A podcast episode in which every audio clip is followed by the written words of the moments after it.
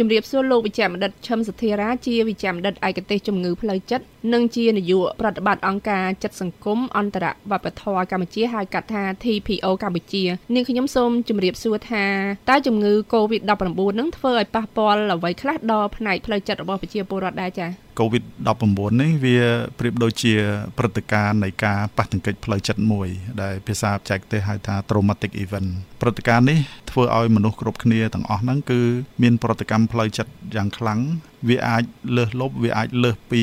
សមត្ថភាពដែលបុគ្គលឬក៏សហគមន៍របស់យើងអាចទប់ទល់វាបាន ហើយវាអាចមានកម្រិតស្រាលឬធ្ងន់វាអាស្រ័យទៅលើផ្លូវចិត្តរបស់បុគ្គលម្នាក់ម្នាក់ឬក៏បទពិសោធន៍ដែលគាត់ធ្លាប់ជួបតាំងពីមុនមកបាទផលប៉ះពាល់ហ្នឹងវាអាចយើងឃើញថាទៅលើបុគ្គលអាចប៉ះពាល់ទៅលើផ្លូវកាយដូចជាបុគ្គលអាចមានអារម្មណ៍ថាឈឺក្បាលអស់កម្លាំងគេងមិនលក់បាយមិនបាន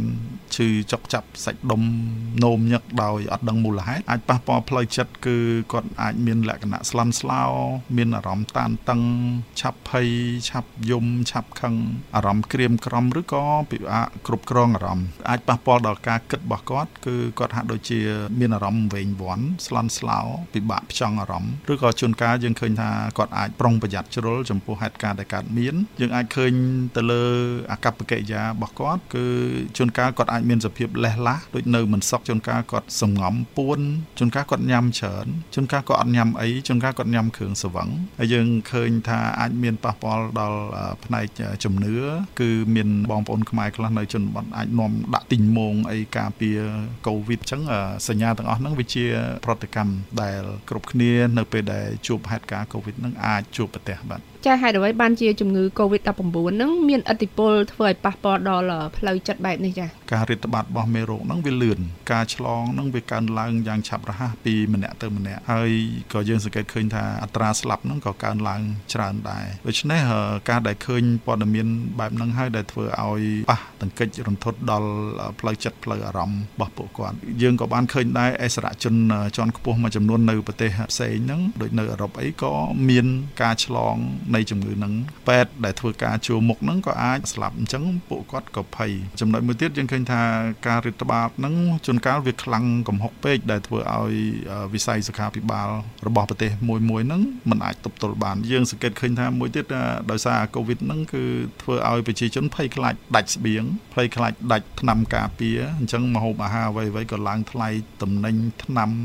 អ្នកជំងឺមួយចំនួនជាពិសេសអ្នកជំងឺដែលមានបញ្ហារ៉ាំរ៉ៃគាត់មានការភ័យខ្លាចក្នុងការដាច់ថ្នាំដែរជាដើមអញ្ចឹងទាំងអស់ហ្នឹងហើយដែលធ្វើឲ្យកូវីដហ្នឹងប៉ះពាល់ដល់ផ្លូវចិត្តប្រជាជនយើងខ្លាំងបាទតើយើងអាចសម្គាល់បានដូចម្ដេចថាយើងនឹងបានទទួលរងផលប៉ះពាល់ជំងឺផ្លូវចិត្តពីកូវីដ19នេះចា៎ ចំណុចសំខាន់គឺយើងមើលការប្រែប្រួលពីផ្លូវកាយផ្លូវចិត្តការគិតអាកប្បកិរិយានិងជំនឿរបស់បុគ្គលមួយមួយប្រសិនបើយើងឃើញថាយើងមានអារម្មណ៍ប្រែប្រួលខុសពីមុនដែលពីមុនយើងអាចមានអារម្មណ៍ធម្មតាឥឡូវយើងអាចទៅជាប្រុងប្រយ័ត្នជ្រុលឬក៏យើងភ័យខ្លាចជ្រុលឬក៏ក្រៀមក្រំជ្រុលបញ្ហាផ្លូវកាយទៅទេទៅទេយើងមានអារម្មណ៍ថាយើងគេងអត់លក់យើងញ៉ាំបាយអត់បានយើងអស់កម្លាំងដោយអត់ដឹងមូលហេតុឬក៏ការគិតការសម្រេចចិត្តយើងក្នុងលក្ខណៈមួយដូចថាពិបាកបាកក្នុងការផ្ចង់អារម្មណ៍ឬក៏អាកប្បកិរិយារបស់បុគ្គលនឹងក្រោយពីលឺហេតុការណ៍អស់នឹងគាត់ខ្លាយទៅជាសងំពួនលះលះអត់ចង់គប់គេឯងឬក៏ញ៉ាំគ្រឿងស្រវឹងឬក៏ការផ្លាស់ប្ដូរអីប្លែកណាមួយទៅនឹងទម្លាប់របស់គាត់នឹងគឺយើងអាចសង្ស័យថាគាត់អាចមានអតិពលខ្លះនៃតកតងទៅនឹង COVID នឹងចាតើប្រជាពលរដ្ឋបែបណាខ្លះដែលងាយទទួលរងផលប៉ះពាល់ពីផ្នែកផ្លូវចិត្តពីជំងឺ COVID-19 នេះចា អ្នកដែលខ្ញុំឃើញមុនគេគឺអតីតអ្នកជំងឺហើយនិងអ្នកជំងឺកំពុងព្យាបាលជួនកាលគាត់ព្យាបាលជាមួយរយៈហើយក្រោយពីមានកូវីដនឹងផ្ទុះឡើងគាត់ចាប់ផ្ដើម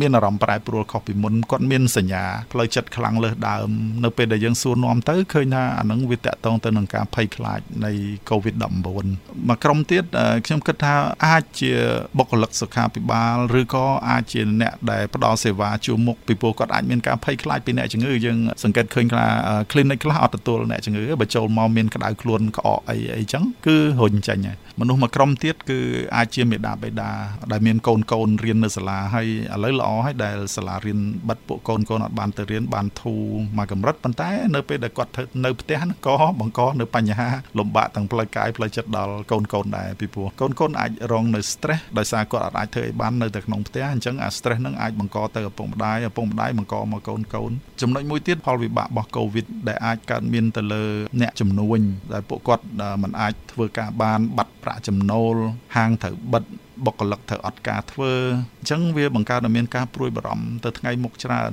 អំពីជីវភាពអំពីការរស់នៅ អ្នកខ្លះព្រួយបារម្ភថាអត់មានប្រាក់បង់ធនាគារអញ្ចឹងអាចគាត់នឹងមានបញ្ហាធ្លាក់ទឹកចិត្តឬក៏អាចនឹងមានអំពើហិង្សាក្នុងគ្រួសារកើតមានអាចនឹងមានអត្តឃាតដូចជាដើមមនុស្សមួយក្រុមទៀតខ្ញុំគិតថាថ្នាក់ដឹកនាំរាជរដ្ឋាភិបាលថ្នាក់ដឹកនាំរបស់យើងដែលគាត់កំពុងតែយកចិត្តទុកដាក់ថែទាំប្រជាពលរដ្ឋទប់ទល់នឹងកូវីដហ្នឹងគាត់ក៏មានការលំបាកទាំងផ្លូវកាយទាំងផ្លូវចិត្តគាត់ត្រូវរិះរកវិធីដើម្បីជួយប្រជាពលរដ្ឋហ្នឹងឲ្យបានជៀសផុតពីបញ្ហាតើលោកវិជ្ជបណ្ឌិតសង្កេតឃើញថា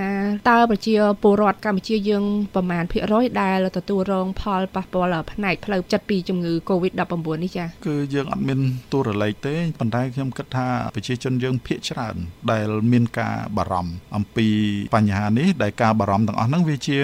ការប៉ះពាល់ទៅដល់ស្ថានភាពផ្លូវចិត្តរបស់គាត់ការបារម្ភព្រួយនេះលោកវិជ្ជបណ្ឌិតគិតថាធ្ងន់ធ្ងរដល់កម្រិតណាចា៎ចំពោះកម្រិតធ្ងន់ធ្ងរវាខុសគ្នាទៅតាមបុគ្គលបុគ្គលខ្លះគាត់ជាអ្នកដែលមានស្មារតីរឹងមាំដែលអាចមានសមត្ថភាពក្នុងការទប់ទល់បញ្ហាផ្សេងផ្សេងឬក៏មានបទពិសោធន៍ក្នុងការដោះស្រាយទប់ទល់មួយបញ្ហាផ្សេងផ្សេងគាត់អាចមានការប៉ះពាល់តិចតួចចំណែកបុគ្គលខ្លះដែលគាត់ជាអ្នកដែលងាយរងគ្រោះជាអតីតអ្នកជំងឺឬក៏ជាអ្នកជំងឺឬក៏ជាអ្នកដែលធ្លាប់ជួបនៅហេតុការណ៍ភ័យរន្ធត់ពីមុនមុនខ្លាំងពួកគាត់ក៏អាចមានបញ្ហាធ្ងន់ធ្ងរទៅតាមនឹងដែរបាទតើការប៉ះពាល់ផ្នែកផ្លូវចិត្តដែលបណ្ដាលមកពីជំងឺ Covid-19 នេះផ្ដល់ផលវិបាកដោយម្ដេចខ្លះទេចាដោយសារយើងធ្លាប់ឆ្លងកាត់នៅ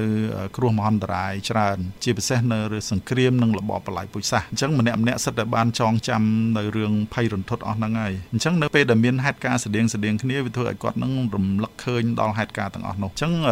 ដោយសារ flashback ហ្នឹងធ្វើឲ្យគាត់នឹងនឹកឃើញធ្វើឲ្យគាត់នឹងភ័យអញ្ចឹងម្នាក់ម្នាក់អាចរត់ទៅទិញអីវ៉ាន់ស្តុកទុករត់ទៅដកលុយពីធនាគា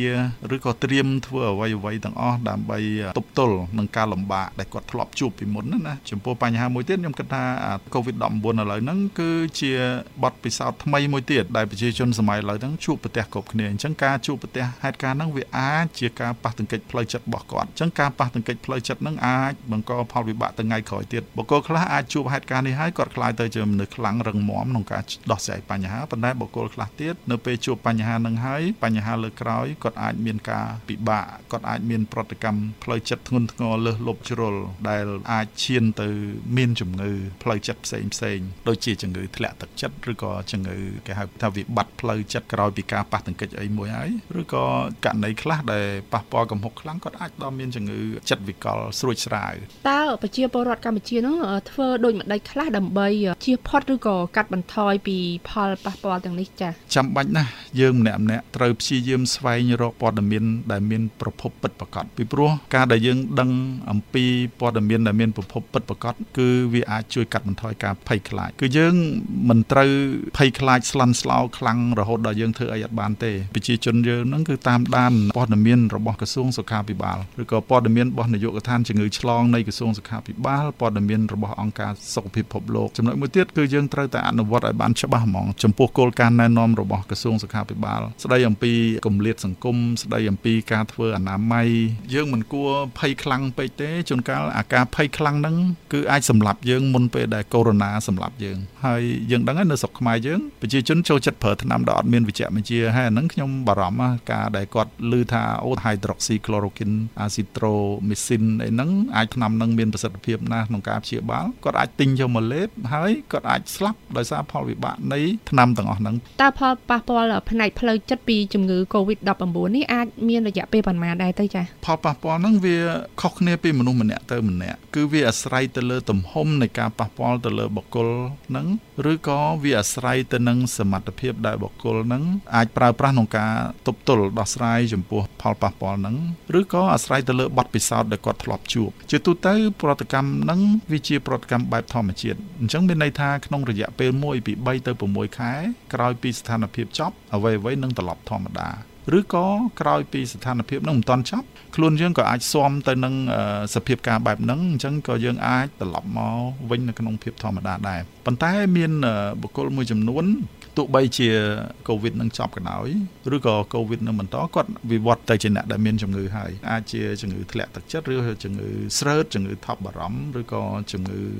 ដូចជំងឺបាក់ស្បាតអញ្ចឹងដែលគាត់ត្រូវទទួលការព្យាបាលពីវិជ្ជបណ្ឌិតឯកទេសជំងឺផ្លូវចិត្តបាទតាមយោបល់របស់លោកវិជ្ជបណ្ឌិតតើប្រជាពលរដ្ឋយើងត្រូវយកចិត្តទុកដាក់ថែទាំសុខភាពផ្លូវចិត្តយ៉ាងម៉េចដែរនៅក្នុងកំឡុងពេលដែលផ្ទុះជំងឺ Covid-19 នេះចា៎យើងមិនត្រូវភ័យពេកទេ ការភ័យវាអត់បានជួយយើងអីទេ ការភ័យខ្លាំងពេកវាអាចសម្លាប់យើងមុនពេលដែលកូវីដ -19 សម្លាប់យើងអញ្ចឹងអ្វីដែលយើងចាំបាច់ត្រូវធ្វើគឺយើងត្រូវតាមដានព័ត៌មានដែលមានប្រភពច្បាស់លាស់វានឹងអាចកាត់បន្ថយនៅការភ័យខ្លាចរបស់យើង យើងត្រូវបង្កើតជាទម្លាប់មួយដែលយើងត្រូវធ្វើជាប្រចាំពីព្រោះការនៅពេលដែលយើងមានវិបត្តិវិបត្តិហ្នឹងវាធ្វើឲ្យយើងបាត់បង់នៅទម្លាប់ប្រចាំថ្ងៃរបស់យើង គឺវានឹងបង្កឲ្យបញ្ហាផ្លូវចិត្តយើងរឹតតែធ្លាក់ដុនដាបទៅអញ្ចឹងយើងគួរបង្កើតទម្លាប់អីមួយដើម្បីធ្វើឲ្យខ្លួនយើងនឹងអាចមានសកម្មភាពការងារអីជាប់លាប់ជាបន្តដែលអាចកាត់បន្ថយនៅបញ្ហាផ្លូវចិត្តកត្តាមួយទៀតគឺ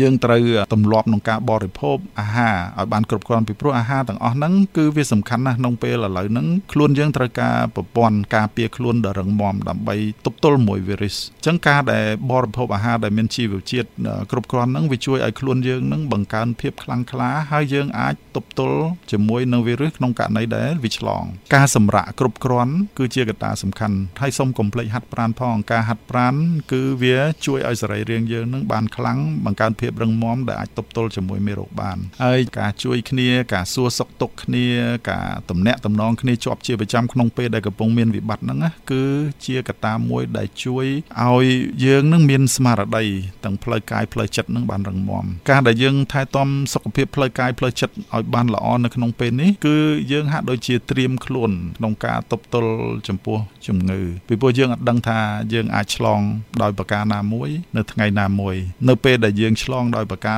ចៃដន្យណាមួយគឺយើងក្នុងខ្លួនយើងអាចមានសមត្ថភាពក្នុងការទប់ទល់មួយជំងឺបានជំងឺ Covid-19 ហ្នឹងបង្កផលប៉ះពាល់ធ្ងន់ធ្ងរដល់អាយុជីវិតចំពោះអ្នកដែលមានប្រព័ន្ធការពារខ្សោយចំពោះអ្នកដែលមានជំងឺពីមុនមកច្រើន ចំពោះអ្នកដែលមិនមានសុខភាពរឹងមាំអញ្ចឹងការថែទាំសុខភាពឲ្យរឹងមាំនៅក្នុងពេលនេះគឺជាកត្តាសំខាន់ណាស់កោសិកាយើងត្រូវការសមត្ថភាពក្នុងការទប់ទល់ជាមួយមេរោគចា៎នាងខ្ញុំសូមអរគុណលោកដែលបានផ្ដល់កិច្ចសម្ភារនេះនាងខ្ញុំសូមជម្រាបលាបាទអរគុណបាទ